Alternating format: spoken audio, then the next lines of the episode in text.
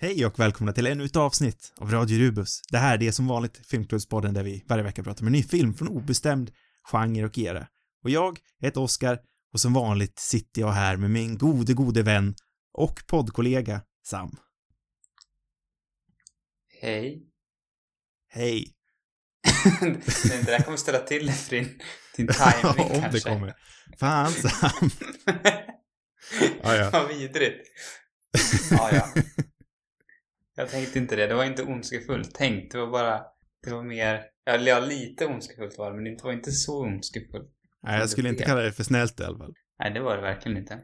Det var Ja, inte ja. min tanke heller.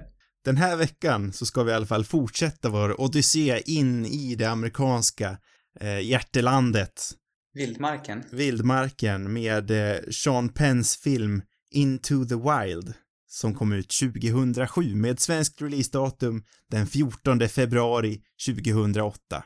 De brukar släppas i februari, alla de här filmerna vi ser på har jag märkt ett tydligt mönster av, eftersom de eh, kommer lite i awards season. Oavsett så ska vi i alla fall prata om den här filmen i spoilerfantastisk detalj precis som vanligt. Mm. Det låter bra.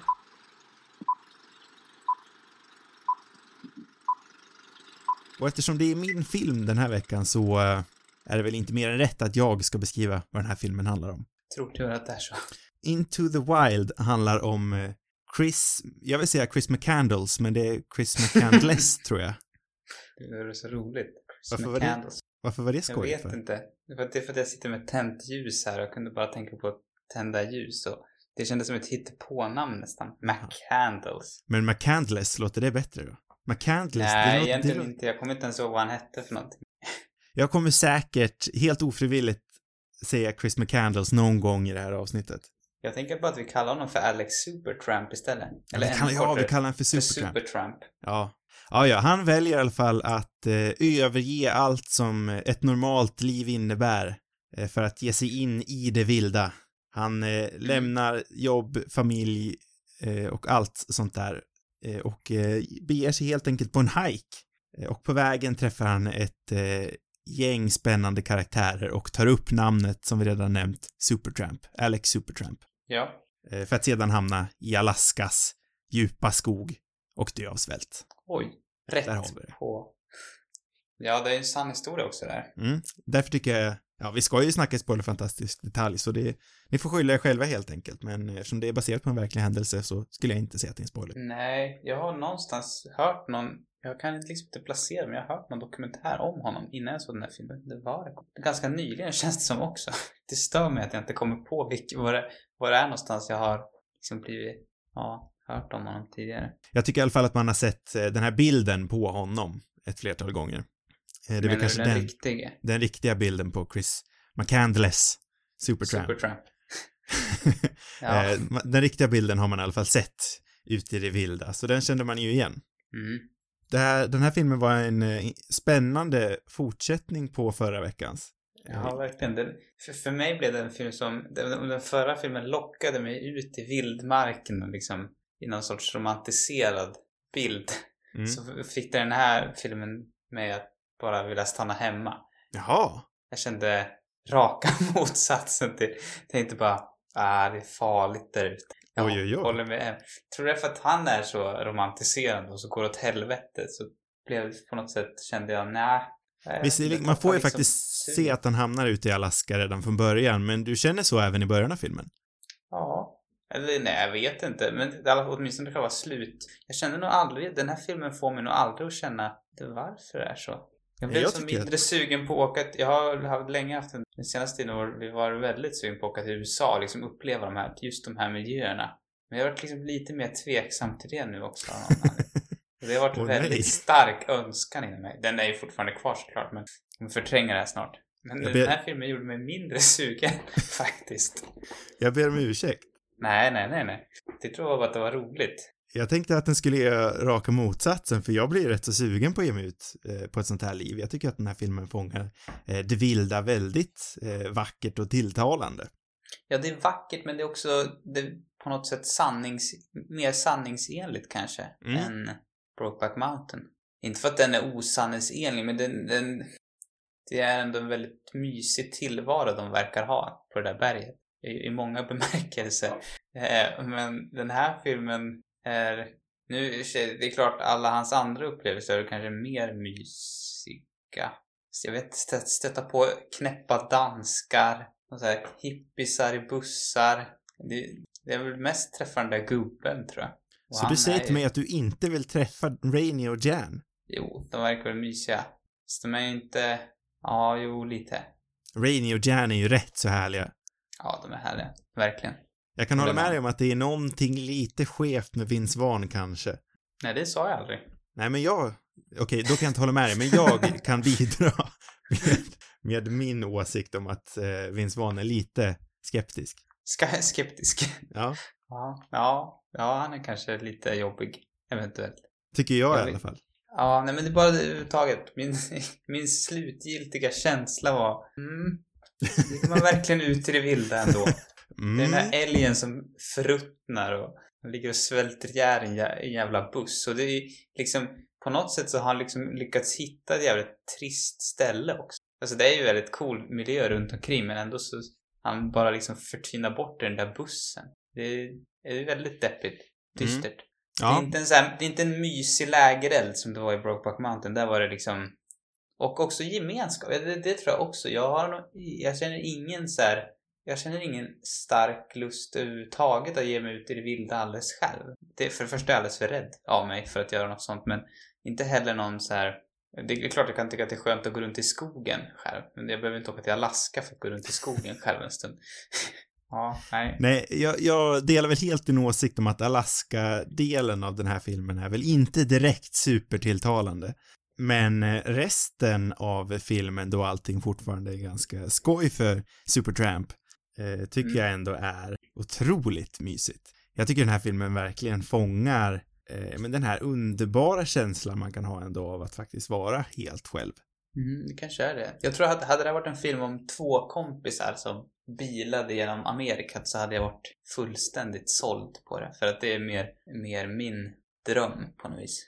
Men tycker du inte att det Tycker du inte att det blir rätt så snyggt ändå sen när, för hela filmen går ju ändå ut på att eh, ja men det börjar ju med den här underbara känslan av att vara själv, men sen så landar den ju i hans egna insikt av att han eh, för Chris är ju väldigt liksom eh, fast vid sina principer av att eh, meningen med livet eller vad man ska säga är handlar om resan. Eh, medan i slutet av filmen så kommer han ju fram till, eh, han skriver till och med upp det, han skriver att happiness is only real when shared. Mm. Så tack vare alla de här uh, erfarenheterna jag får med de här underbara människorna som jag tycker längs med vägen, mm. eh, ändrar ju hans perspektiv helt och hållet och särskilt den han har med eh, eh, Hal Holbrooks karaktär i slutet, Mr. France. Mm. Det är ju verkligen den som liksom eh, sätter punkt på den här tesen att man ska vara tillsammans för att ha det bra här i livet. Ja, ja men så är det ju verkligen.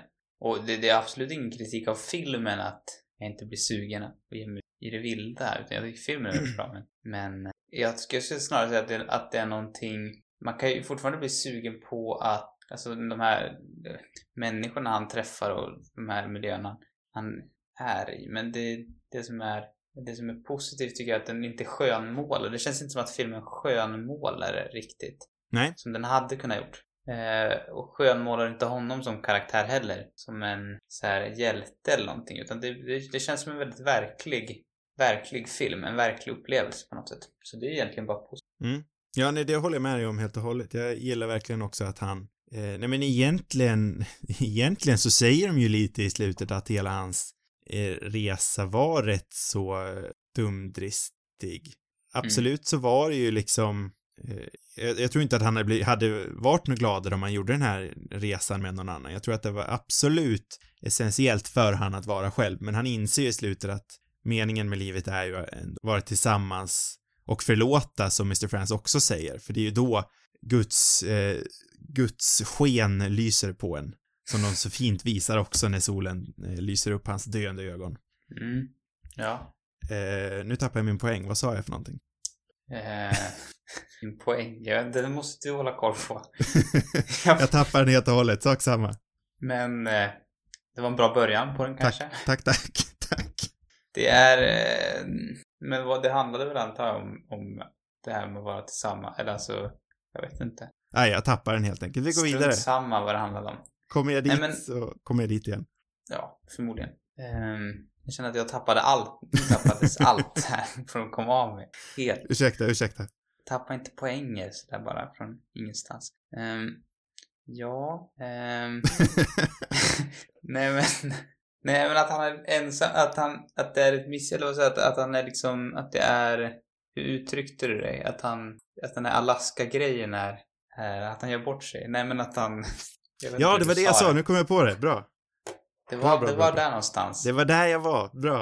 Eh, Mm. Nej, men eh, hela liksom poängen med att eh, jag tänkte kommentera på idioter. Mm. Eh, nej, men hela det här konceptet att folk... Eh, alltså, jag köper ju hela den här friheten med att ta den här resan själv. Jag kan tycka det verkar superduper härligt. Mm. Eh, men någonstans när, som man läser bakom kulisserna, eller i verkligheten nu, att folk tar inspiration från Chris McCandless Supertramp, förlåt, eh, att de tar inspiration och tar den här resan själv upp i Alaskas vildmark för att besöka den här bussen, för att sen dö, vilket ett flertal personer tydligen har gjort. Då tycker jag att man tappar lite poängen av filmen. Ja, det verkar dumt. De har ju inte varit själva de där som har dött tror jag, men, men ändå. Det, det verkar onödigt. Mm. Eh, nej, nej men det, det är ju... Så det finns väl jättemycket kritik och, eller alltså kritik, jag vet inte, att, att anledningen att han dör. Det finns väl många som, det är kanske inte de här som åker upp dit, de åker väl kanske inte heller dit och dö, dör liksom, men det var många som ville få det till att han var, hade någon sorts, sorts dödslängtan att åka dit för att han inte hade någon karta och liksom det var ett, det var något sätt uppgjort för att dö nästan. Mm. Han är själv, jag skulle aldrig kalla han för en idiot, för jag tror ändå att han, eh, fast det slutade väldigt tragiskt, eh, så tror jag inte att han ångrade att han dog där han gjorde. Och vad fan gör alla andra om han dör där? Han var ju Nej, helt själv liksom. Ja, som jag förstod det så till exempel det här med kartan så, eller åtminstone enligt eh, John Krakauer som skrev boken om, om, ja men som skrev den boken som filmen bygger på, så, så var det ett sätt att på något sätt nå den ultimata friheten, att han ville liksom känna att han var i, eh, ja men i, dag, alltså i dagens samhälle så går det inte att ta sig någonstans utan att någon har varit där tidigare på något vis, att den här Mm. liksom tidigare eh, upptäckarkänslan eller känslan av att man är mitt i naturen. Han ville väl på något sätt ta komma dit och därför skippade han den här kartan för att verkligen känna sig fri. Det Mm. känns som en rimlig, rimlig eh, idé ändå. Liksom det, eller det känns som det stämmer väl med karaktären. Mm. Så man lär känna honom. Och eh, han, det, jag tycker, tycker inte heller att det verkar som att han vill dit och dö utan det, det är bara en, liksom en grej han vill göra det här och han känns ju verkligen som en livsglad person på något vis. Ja. Eller han är liksom glad i livet ändå. Även fast det finns, finns kanske mycket mörker där i bakgrunden. Som de väldigt snyggt väver in. Mm. Eh, för jag funderade lite över hela filmen, eh, liksom om det verkligen var nödvändigt det här med att alltid klippa tillbaka till ens familj och se den turbulenta uppväxten han har haft med, det, med en familj där, där far har slagit mor och kanske även barnen. Mm. eh, som det visar sig i verkligheten, om jag förstod det rätt. Eh, så, eh, men jag tycker ändå att det lönar sig ju absolut där i slutet då han, för det är ju det, det är så jag tolkar den här sista, de här sista bilderna då man ser han omfamna mamma och pappa, medan Mm. Guds ljus skiner på honom, då blir det ju precis som Mr. Frans säger att, eh, att eh, meningen med livet är ju ändå att förlåta varandra. Mm. Så det blir Ja, det är jättesnyggt lite svårtolkad den där sista. Jag vet inte om det är något sorts skämt också lite grann, kan jag känna. Eller, jag vet inte, som att han parodiserar över det enkla slutet. Det är- kanske en egen, en konstig tolkning på något sätt. Men jag vet inte, jag ser, ja, jag vet inte om jag riktigt ser det så att han förlåter sina föräldrar heller. Jag gjorde inte heller det förrän jag såg om på det här klippet med Mr. Frans uppe på, uppe på berget. Mm. För där säger han verkligen ordagrant replikerna att eh, bara när man förlåter någon kan man få, eh, kan Gud skina sitt ljus eller något liknande. Eh, och så kommer solen och skiner på de två när de sitter där uppe på berget och eh, nästan exakt samma bild på solen som bryter igenom ett par gråa moln eh, återupprepas eh, under den här eh, flashbacken eller vad man ska kalla det för. Han kramar om sina föräldrar i slutet. Så jag tror verkligen att det är precis det man ska uppfatta det som, att han förlåter sina föräldrar. Mm, så kan det säkert vara. Jag tänker att det, Sen om det blir cheesy eller inte, det är en annan femma. det kanske också, jag kan känna att det är lite lämnat för vad man vill själv ha för tolkning av det också. Absolut. Det är ju vagt nog för att göra det. och det som jag tycker är så bra med just relationen till föräldrarna och eh, den liksom kämpiga eller tumultartade uppväxten eh, är väl att det ändå inte känns som att filmen mjölkar det på något sätt utan det är inte riktigt, alltså det finns hela tiden där men det är inte inte det som är i fokus ändå tycker jag utan det är på något sätt, det handlar ändå mycket om hans liksom lust att bli fri från ja, men allt möjligt egentligen, liksom från hela samhället eller systemet. Eh, mm. Eh, och inte, det hade, för om man till exempel, hans syster skrev för, jag vet inte, kanske tio år sedan, en bok där hon liksom går in mer detalj vad egentligen eh, deras pappa utsatt eh, för resten av familjen för mm. och kanske mamman också. Eh, där det liksom avslöjades ännu värre detaljer jag tror inte hon har någon relation till föräldrarna längre liksom, om jag har förstått det rätt. Så att, så att det fanns liksom ännu mörkare, som inte riktigt kändes till, eller jag tror inte man kände till det när de gjorde filmen eller skrev boken. Och, och det kan jag tycka blir nästan positivt att det inte riktigt är med i filmen för att då hade det blivit mer än liksom att tycka synd om, alltså att man skulle tycka synd mer om Supertramp. Att, att han mm. gjorde det här på något sätt bara för att slippa den här onda pappan. Eh, det hade blivit lite av en annan film. Mm. Jag tycker det är, är, är det, perfekt som det är, att det inte blir eh, så svart på vitt. Eh. Ja, nej, men för den känns ju mer, nu är det ju baserat på verkligheten så inte eh, klandrar den för det egentligen om det hade varit så, men det hade ju känts mer gjort. Ja. Sen innan. Det är ju en mer traditionell anledning till att lämna, lämna sin, sin familj. Ja, och sen så tror inte jag heller att, att det var, alltså det är knappast bara det som är anledningen till till att han gör den här resan utan han har väl han har väl det här, den här äventyrligheten inom sig redan mm. alltså, tidigare som barn om jag har förstått det rätt. Eh, både den riktiga personen och filmen, i filmens karaktär. Och att Alltså om man bara ville komma ifrån sina föräldrar hade han ju kunnat flytta till en annan stad eller vad som helst liksom. Precis. Det är klart att det är lättare att fly. De, de sätter till och med en privatdetektiv på honom liksom för att hitta honom. Men jag tror inte bara att det handlar om att, att fly en, en kämpig liksom familjerelation utan det, det är någonting annat. Det är ju någonting djupt, eh, det är någonting djupt inom honom som verkligen ja. skriker efter att komma ut i det vilda. Att lämna allting och vara fri helt enkelt. Ja, och så det skapar också tycker jag en, en mer liksom komplex karaktär som känns men det, det, det, är inte så här, jag, jag är inte jättestort fan av, av honom som karaktär. Jag tror liksom eller jag tycker karaktären är väldigt bra, men honom som person kan man väl säga så här, Det är ändå, jag vet inte, det är just jag tror inte jag känner så mycket samhörighet med den här typen av liksom slå sig fri från allt och ge sig ut i skogen. Jag, jag kan tycka att det är lite fånigt liksom. Folk mm. som, du vet, absolut, som vi snackade om tidigare, de här som blir jätteinspirerade och nu ska jag ut i, och så dör de liksom i någon flod typ. Jag kan tycka att det är ganska töntigt att bli super inspirerad av en sån här person. För att han är ju också väldigt, väldigt självupptagen, alltså väldigt självisk på många sätt. Eh, tänker jag, han är bland annat så, även om man kanske känner att han inte, att hans föräldrar inte är värda att få någon, någon, någon eh, kontakt så kunde han åtminstone kanske bry sig om sin syster eller, ja men du förstår. Mm. Det är väldigt mycket, det handlar väldigt mycket om vad han vill uppleva och egentligen alla människor han möter så är det alltid liksom men han är ju ändå en ganska självisk karaktär och jag tycker att det också på något sätt är extra, blir extra spännande att man som tittare kan man måste liksom inte känna fullt ut för allt han gör. Alltså jag tycker fortfarande att han är en, en härlig person och sådär men man måste liksom inte älska honom och ändå, eller för att uppskatta filmen. Man kan på något sätt ha olika syn på den.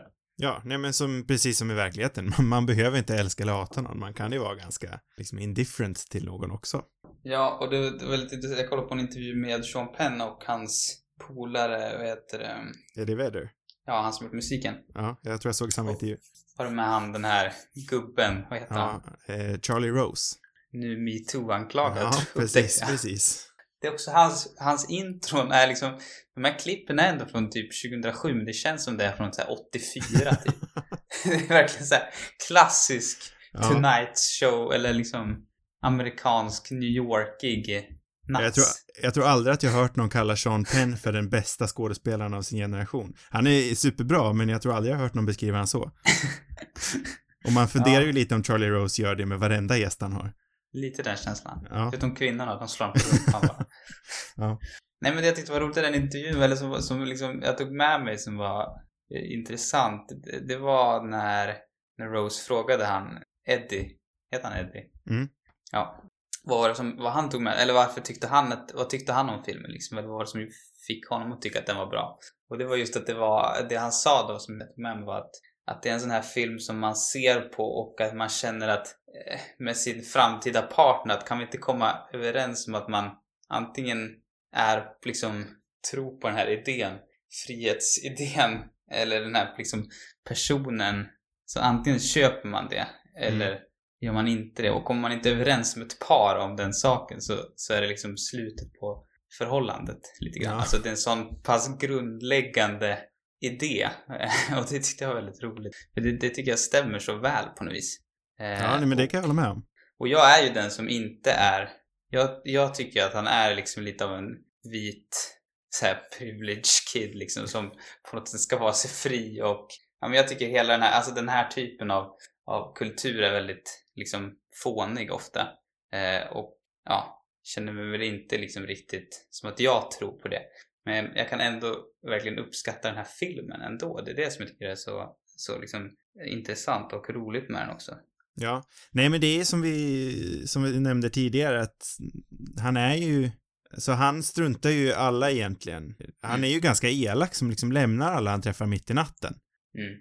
Eh, Han tänker ju inte på dem alls, för utan för han handlar ju allting om resan. Han har ju en livsfilosofi om att livets mening är det man gör längs med resan. Mm. Eh, inte de man delar resan med. Och det är ju Ja. liksom det, ja, antingen går man med på det eller så går man inte med på det, precis som du säger. Mm, precis. Så, ja men det, det är liksom, det, det, är, det är sällan man ser filmer tycker jag som har, som funkar ändå på det viset. Eller, eller det finns väl säkert många men, men eh, jag vet inte. Jag tänkte nog, min spontana tanke var nog att man på något sätt måste tro på det han tror på. För att uppskatta filmen kanske. Och det tycker inte jag man behöver. Och han profiteras inte heller. heller. Det känns som att Sean Penn också har gjort ett väldigt bra jobb. För även om jag tänker mig Sean Penn som att han älskar den här karaktären, alltså den här personen.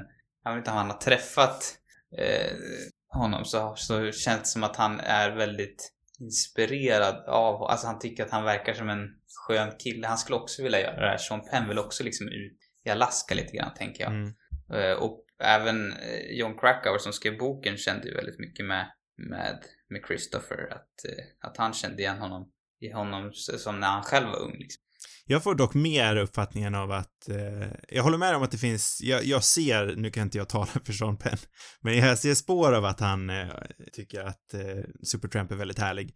Men jag eh, uppfattar ändå från den här intervjun och några andra intervjuer jag lyssnade på, att han eh, ändå tycker att Chris hade lite fel i att han inte, i att han såg eh, resan som det viktigaste. Ja men det var precis det jag skulle komma Ja, till. Att det exakt. är liksom, det? Att, att Sean Penn, eh, han gör liksom inte ett hyllande porträtt eh, av honom. Utan han, han ser båda sidorna av det tycker jag. Och han säger också själv att han inte vill, eh, att han inte trodde att, att Christopher själv skulle ha uppskattat en film som satte upp honom som någon, på någon piedestal där han var en hjälte liksom. Nej, Eh, så det är ju både på något sätt en tjänst mot honom men också en, en mer, liksom, ska man säga, ja, men det, det blir en mer trovärdig tolkning tycker jag och Mm. en mer liksom mångbottnad tolkning. jag får, in, Eh. utan att ha läst boken så var jag intrycket av att Krakauer idoliserar Supertramp lite mer. Ja men det tror jag också. Och det, men det kanske är för att Krakauer har mer eh, egna erfarenheter som, som liknar Christophers. Ja, Och, eh, jag vet inte om vi sa det, men han hade gjort en väldigt liknande resa och själv åkt ut till Alaska i tre veckor tror jag han sa och var nära döden och... Men han kom tillbaka levande.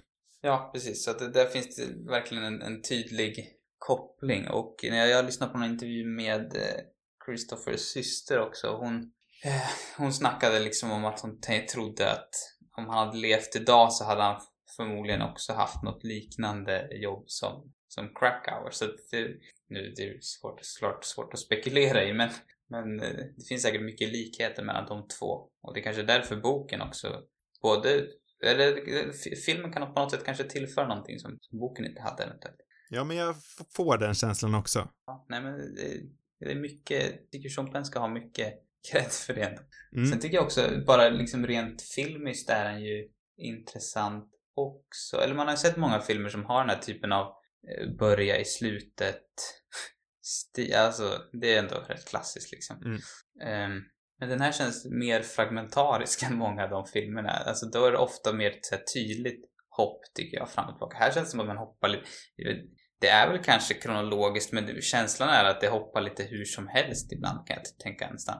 Att ja, nu är han helt plötsligt där och nu är han där. Alltså det är väldigt sådär fragmentaktigt tycker jag som film. Ja, nej men jag tror att han hamnar uppe i Oregon, är han inte i Oregon tror jag när han eh, träffar Rainy och Jan första gången? Jag kan ha fel. Ja, men det känns Eh. som att han plockar liksom väldigt mycket och så här ganska fritt. Det känns som att liksom hela filmskapandet är väldigt, väldigt fritt. Lite Mm. poetiskt nästan.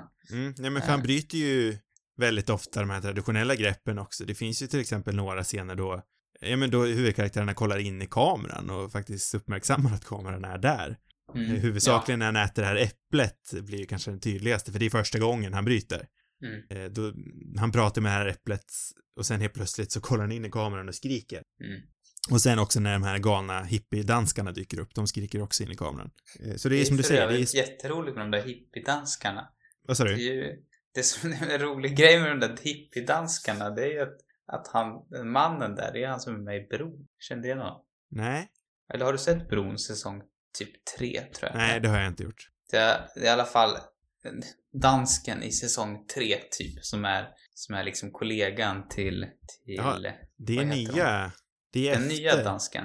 Ja, det, ja, den nya dansken. Det är efter han den här sköna från Pusher lämnade. Exakt. Den Aha, nya dansken. Den, den nya dansken.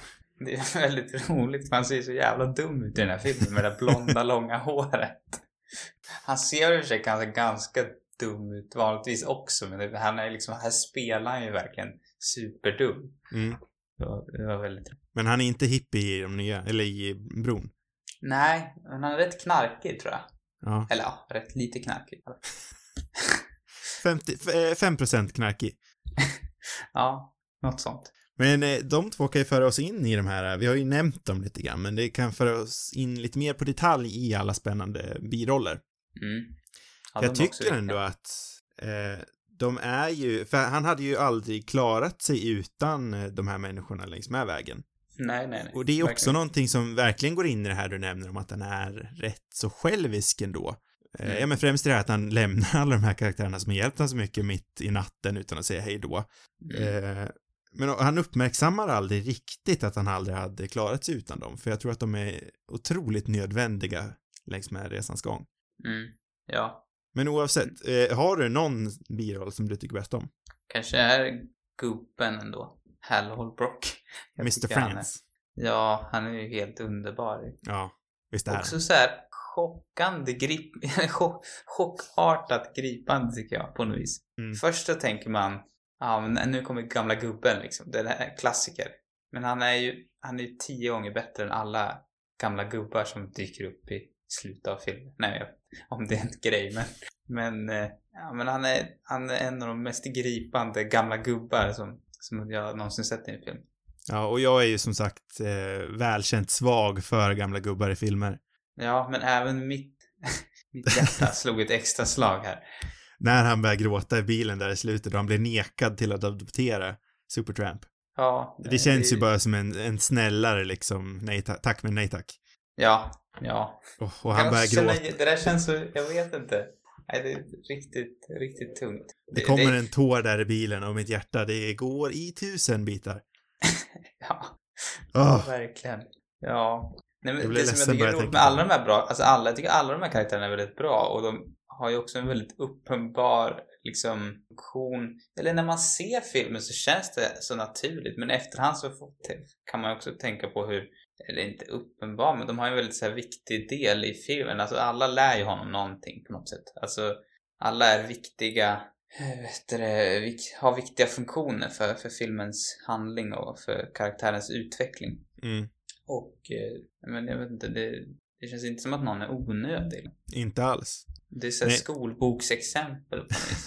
Så nästan så det blir för uppenbart. Men just när man kollar på filmen så det är nog inte så mycket på det. Liksom. Nej, och för min del så är det nog ändå, som kanske gissat, det är faktiskt inte Mr. France, även fast den är väldigt nära, men det är nog Rainy och Jan som är mina favoriter. Mm. Jag tycker också att de knyter an till den här fantastiska eh, tillbakaklippet de alltid har med föräldrarna. Att de bidrar också till att föräldrarnas konstanta tillbakaklippande inte blir onödigt. Nej, och absolut, det är perfekt också med, med henne att hon har vet den här sonen som hon Mm, inte har precis. kontakt med längre.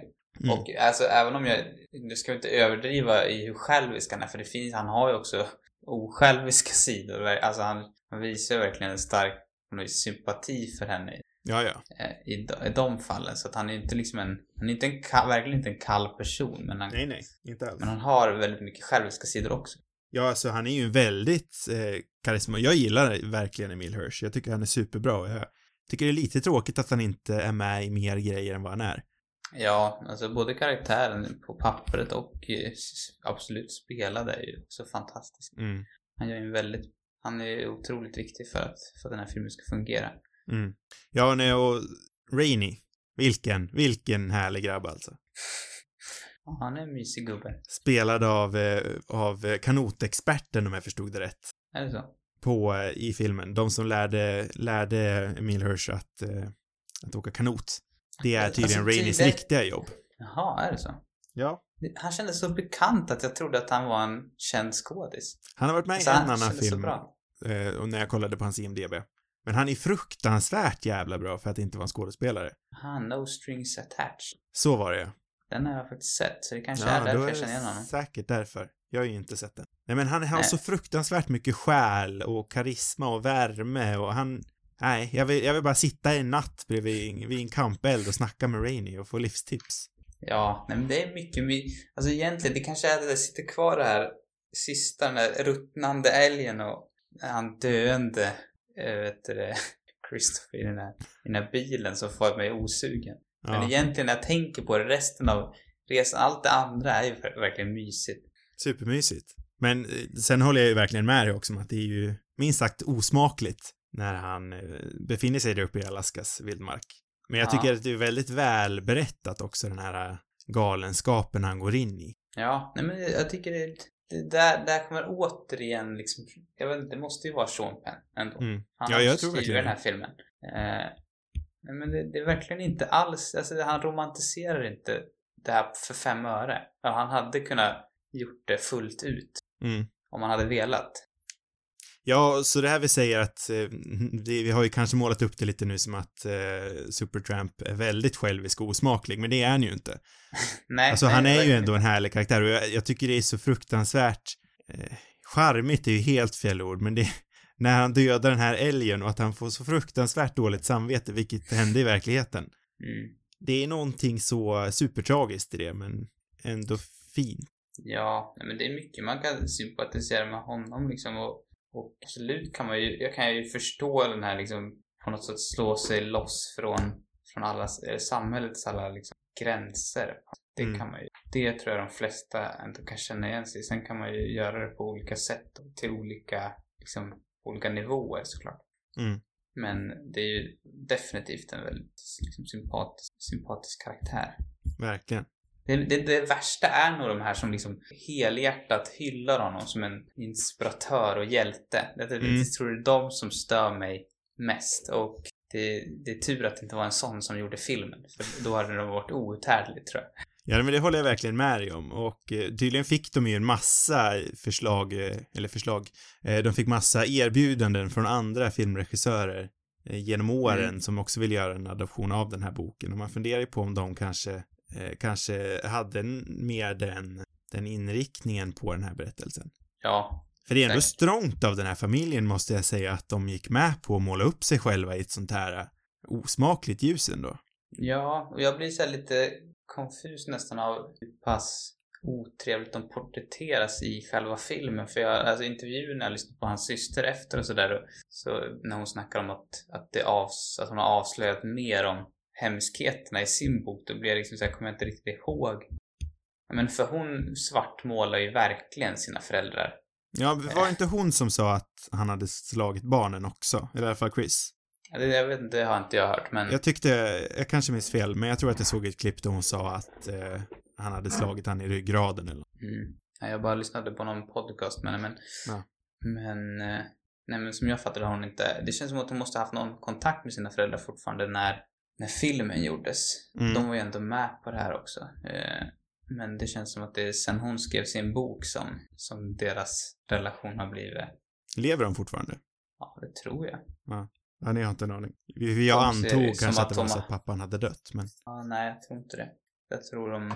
Ja, men hennes bok var säkert mycket mer kritisk också. mm.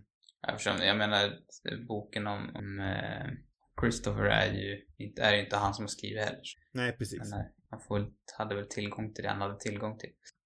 Eh, den här filmen, oavsett hur bra eh, porträtterade alla karaktärer är och hur välformulerad den här relativt eh, minimala handlingen ändå är, så Mm. tycker jag att tonsättningen i den här filmen är liksom den allra bästa. Jag tror att George Lucas har ju ett välkänt uttryck eh, till sina filmer, i alla fall de här tre, Star Wars eh, Episod 1, 2 och 3, kallade han ju för tone poems Mm.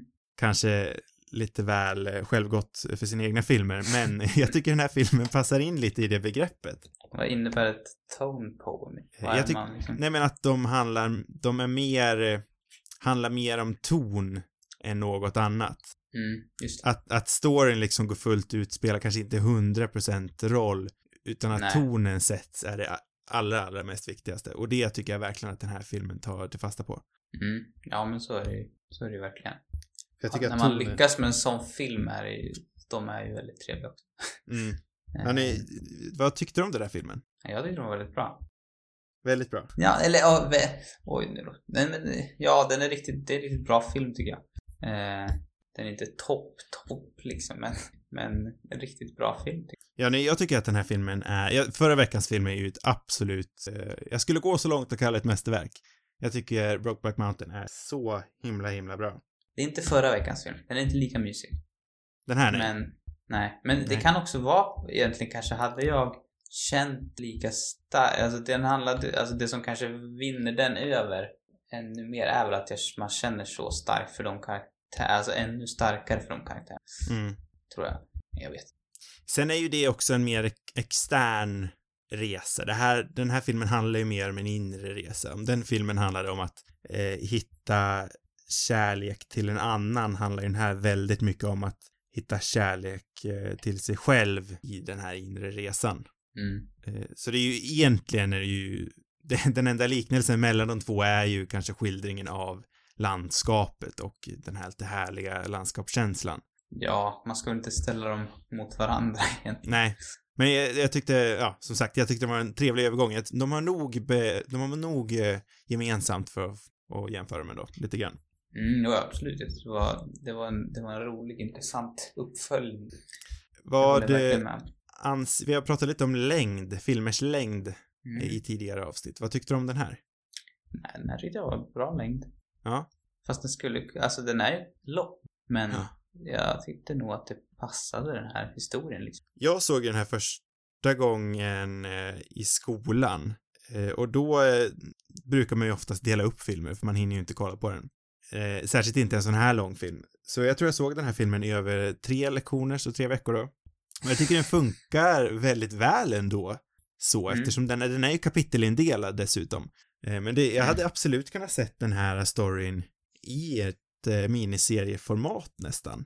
Liksom ett Mm. nytt stopp varenda vecka. Men sen absolut finns det ju en mening i den här långa, det är, det är ju en lång film, nästan två och en halv timme. Mm. Eh, Men det, det finns ju också en mening i det eftersom det någonstans ger liv till den här väldigt långa resan också. Det är ju under två år han var ute. Och hade den här Ja. filmen bara varit en och en halv timme lång så tror jag inte att den känslan hade förmedlats lika bra. För ibland så kan ju en jättelång film, även om den känns långsam och nästan till tråkig, så kan det ju också bidra otroligt mycket till eh, films eh, förmedling av känsla. Så det kan ju i slutändan bli värt det. Jag vet inte, jag, har, jag tror inte jag har sett någon annan film han har regisserat. Nej, jag har inte gjort det. Jag vet att han, eh, innan, jag kollade på den här bakom kulisserna-filmen också, jag hade faktiskt tid att kolla på lite extra material den här veckan. Mm. Eh, och då så nämnde han ju det att han filmade väldigt, eh, han ville filma väldigt mycket själv. Eh, mycket av den handhållna kameran tror jag är från hans egna, hans egna hand. Mm. Men sen så var han väldigt mån om att faktiskt ha en riktigt bra, för eh, eh, DP'n och eh, kameramannen var samma människa. Det var han väldigt mån om att ha. Mm.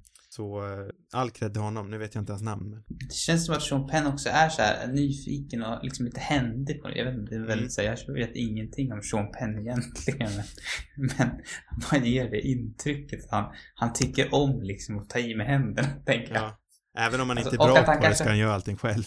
Ja, det var, nu lät det mer som en diss, men, men det känns som att han, ja, men att han är kanske intresserad av liksom och det tyder väl också hans regissörskap på att han inte bara är intresserad av skådespel utan han är liksom intresserad av eh, men hela själva liksom konstskapandet som film faktiskt är. Jag, Mm. jag, jag tänker honom som en konstnär på något vis. Mm, det det är därför jag tänker att han har ett liksom bra grepp över hela den här filmen. Det känns som att han liksom har styrt allt i, i en gemensam riktning. Det känns som att han har ett, han har ett bra grepp över, över hela produkten.